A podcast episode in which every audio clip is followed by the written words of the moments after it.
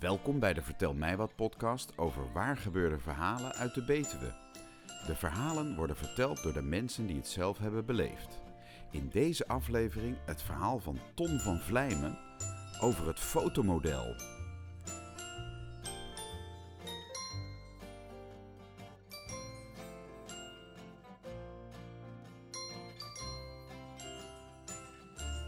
Het is juni 1997. Ik eh, werk op de toneelschool in Utrecht.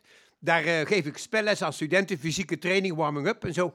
En tegelijkertijd ben ik ook hoofd van de internationale opleiding Theater and Education. Dus ik heb mijn drukke baan. Ik geef aan de ene kant praktijkles, aan de andere kant ook heel veel beleid. Dit jaar hebben we een festival georganiseerd met workshops. En eh, ik dacht, weet je wat, ik ga nou een keer niet alleen maar organiseren, ik ga ook meedoen. En ik doe mee. Want ik doe mee aan de workshop Afrikaanse dans. Ik werk er nou twintig jaar en de laatste jaren heb ik niet zoveel van die praktijkdingen gedaan, maar nu doe ik mee. De tweede dag kom ik te laat. We hadden een ingelaste korte vergadering van de faculteitsdirectie, dus ik, ik moest er wel zijn. En na mijn agendapunten ben ik gelijk naar de overkant gegaan en heb me omgekleed. Ik hoorde de djembe's al roffelen en het ging goed de keer.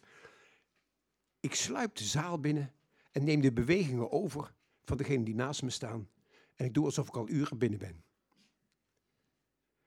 De ramen zijn beslagen. Je ziet die mensen met een tempo. 1, 2, 3, ik, oh, 1, 2, ja, oh, krak. De vrouw naast mij komt naar me toe en legt een hand op mijn rug. Was jij dat? Ik zei, ja, ik geloof het wel. Ik kan niet meer overeind komen. Stom, hè? Dan wil je meedoen, dan is die warming-up te kort en trek je gelijk je hele rug kapot. Ik moet dat ook niet meer doen. Ik ben nou bijna 50. Ik moet keuze maken in het leven. Ik moet of beleid doen en rustig doen, of dat wilde, maar dat moet ik vergeten, denk ik. Het is 8 juni 1997. Ik word 49 en mijn ouders zijn uit Heerlen gekomen naar Utrecht om mij te feliciteren. Ze komen met de trein, we lopen de stad in, we gaan naar een terrasje. Het is warm, de zon schijnt, de terrassen zijn lekker druk. En we lopen naar een cafeetje tegenover de stad Schouwburg. De zon schijnt, dus mijn ouders willen graag binnen zitten. We drinken koffie, we drinken thee, de gebak erbij, we drinken wat witte wijn. We praten wat, hoe is het op het werk? Leuk, ja, ja. Ja, druk zeg, druk. Oh, heel druk, druk. En doe je nog wat daarnaast? Nou, badminton je nog? Ik zeg, ja, maar nou niet met die rug, hè. Oh ja, ja. Er komt een dame achterin uit de zaak naar ons tafeltje toe. Een interessante, aardige dame met een beetje blond haar, met grijze dingetjes een beetje en een heel ja, bijzonder brilletje. Blauw mantelpakje. En ze gaat voor de tafel waar wij zitten, gaat ze staan. Mag ik u iets vragen, zegt ze. Nou, gaat uw gang. Dan moet je bij mijn moeder komen. Die vindt dat heel interessant. Als er mensen in een vreemde stad die er een beetje uitdagend uitzien, spannend uitzien, als die haar iets vragen. Dus zij zegt, ja, gaat uw gang, gaat uw gang. Wij, wij... Nou, ik, ik heb u al een tijdje met z'n drieën zitten bekijken. U bent iets aan het vieren, hè? Klopt dat? Ja, zegt mijn moeder, mijn zoon is jarig. Ja, daar zit hij. 49 jaar geworden vandaag. Nou, zegt die vrouw, dat is ook toevallig. 49. Ja, ik, ik, ik, ik, ik, ik moet me even voorstellen, zegt ze. Ik kom uit Amsterdam. Ik heb een modellenbureau en een castingbureau. En ik zou u iets willen vragen, zegt ze tegen mij. Zou u voor een reclamecampagne voor een nieuw product een fotoshoot willen doen? Als door de bliksem getroffen grijpt mijn moeder mijn pols en zegt: Ton, wat een leuk verjaarscadeau is dat! Dat moet je doen. Ik kijk een beetje raar en. Mag ik vragen wat het over gaat, zegt mijn moeder. Ja, het is voor een nieuwe reclamecampagne. Het gaat over Bokma. Die hebben oude en jonge neven, maar die willen nu een donkerblauw merk op de, uh, op de markt brengen. Amberkleurig, zeg maar. Het heet ook Amber, Bokma Amber. En daar zoeken we een gezicht bij. Mijn moeder is helemaal enthousiast. Dat moet je doen, zei ze. Dat moet je doen. Maar mevrouw, weet u, hij had als kind al zo'n leuk koppie. Want zijn broertje werd geboren en die was helemaal blauw, maar hij zag er zo leuk uit. Die mevrouw staat wijselijk op en zegt van, u heeft mijn kaartje en als u het interessant vindt, mag u mij bellen. Prettige dag nog verder. S'avonds haal ik het kaartje uit mijn broekzak, leg het op mijn bureau. En denk, ja, ik wil wel iets anders na twintig jaar toneelschool. Het zou best leuk zijn als... Zo'n vrouw zal dat toch niet voor niks zeggen? Die loopt toch niet de hele dag met kaartjes uit te delen van wilt u dit, wilt u dat? Ik besluit te bellen. Hoe laat en waar moet ik zijn? En moet ik nog iets speciaals aan? Moet ik... Uh, nou, nee, nee, nee, komt hij maar gewoon en dan... Uh, ja, nou, ik uh, denk erover na. Ik ga twijfelen natuurlijk. Want ik vind mezelf niet zo fotogeniek. Ja, als ik foto's van mezelf zie, dan denk ik altijd, god, wat staat hij er gemaakt op? Ga ik met mijn lippen raad trekken? Ik ga mijn wenkbrauwen fronsen, ik ga interessant kijken. Dus ik zag het helemaal niet zitten. Maar ja, zo'n vrouw zal dat niet voor niks zeggen. Ik denk, wie weet, als ik ontspannen ben, dat het van de zijkant best leuk zou kunnen zijn. Ik weet het niet. En bedoeld was het, zei ze ook, is voor de oudere jongeren. dit, dit, is voor en voor de jongere ouderen, dus daar zouden ze mijn gezicht voor willen gebruiken. Ik ben naar Amsterdam gegaan. Met de trein. In de trein krijg ik een angstig gevoel van, wat ga ik aan beginnen?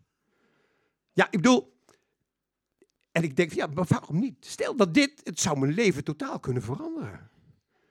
Ik kijk in de coupé rond en denk, niemand weet hier dat hier het nieuwe gezicht van Bokma anders zit. En ik voel me trots en denk, ja, Amsterdam Centraal komt dichterbij. Ik stap uit, aan de voorkant eruit, rechtsaf, naar Prinseneiland. Bikkersgracht. Ik sta voor het huis, een ouderwets grachtenpand, geen uithangborden, een bel. Ik slik, slik nog eens, bel aan. Komt een juffrouw, die doet me open. Ja, u moet hier even wachten. Helemaal niemand. Ik kijk rond en denk van, dat is geen gek idee. Als er geen enkele concurrentie is, zou het best kunnen zijn dat ik, ik krijg steeds goede, betere zin. Dan wees komt er een man in de verte aanlopen, ja, uh, voor de fotoshoot. Ik zeg, ja, ik. Ik heb een kaartje gehad van een mevrouw en die, uh, ja, komt u maar heen. Gaat u daar maar staan? Ja, doe de jas maar even uit. Even linksboven kijken. Ja, doe maar. Ja, even dit naar boven. Ja. Nee, nee, is verder niks te zien. Gewoon kijken. Ik kijk en...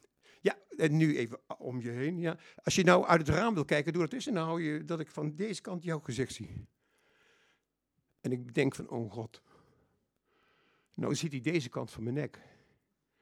Mijn militaire dienst had namelijk littekens achtergelaten aan die kant omdat ik in de Kannerberg heb gezeten een jaar lang, onder de grond, in de Mergelgrotten. En dan had je de hele dag TL-licht, 24 uur lang. En dan kreeg je heel vet haar van en een hele vette huid. Dus al mijn collega's en ik, we zaten vreselijk onder de puisten. Zelfs op je nek en in je schouders en op je borst. En ik zie die man denken. Maar ik denk, op mijn zwart-wit foto zag ik het namelijk vroeger altijd. En ik draai mijn gezicht. Nee, nee, nee, blijf maar gewoon kijken. Nee, er is niks aan de hand. Kijk nou eens gewoon naar buiten. Nee, er is geen ongeluk gebeurd. Gewoon kijken. Dan kom eens even naar voren. Eens even dat. Ja, dankjewel. Ja, oké. Ja.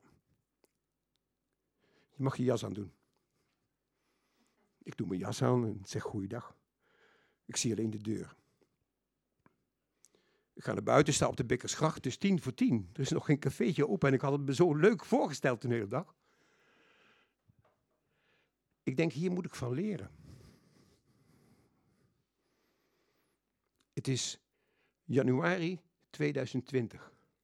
18 januari 2020. Ik ben in Elst. En ik sta aan een staattafel. En daar, daar, daar wordt er gepraat. We zijn wat vroeg en we staan te praten met een aantal dames die daar staan. En er staat een interessante blonde dame. En die zegt op een gegeven moment tegen mij, praat van, goh, zou jij geen verhaal willen vertellen? Dat zie ik je best doen. Ik weet niet of ik er wat van geleerd heb.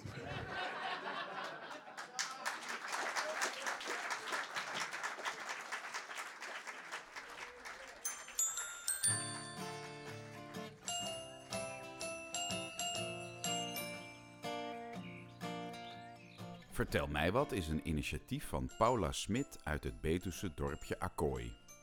Ze bedacht dat het leuk zou zijn als je verhalen zou kunnen horen van mensen die zelf iets bijzonders hebben meegemaakt. De verhalen worden niet voorgelezen, maar spontaan verteld. Een redactie onder leiding van Anja Kielestein selecteert vooraf de verhalen en geeft tips aan de vertellers. Tijdens elke Vertel mij wat avond treden 6 tot 8 vertellers op met hun eigen waargebeurde verhaal. En er is ook live muziek. We zijn altijd op zoek naar echte verhalen die door mensen uit de Betuwe worden verteld. Die verhalen kunnen zich overal hebben afgespeeld en ze kunnen hilarisch, historisch of ontroerend zijn. Neem contact op met ons als je een verhaal wil vertellen en kijk op onze website om te zien wanneer onze volgende vertelavond plaatsvindt. Kijk voor meer informatie op www.vertelmijwat.net. Het Vertel mij wat team wordt geleid door Charlotte Vonk. Productie van deze podcast is in handen van mijzelf, Melvin Keunings. De geluidstechniek wordt verzorgd door Roelof Krijgsman en de leader is gemaakt door Peter van de Woestijnen.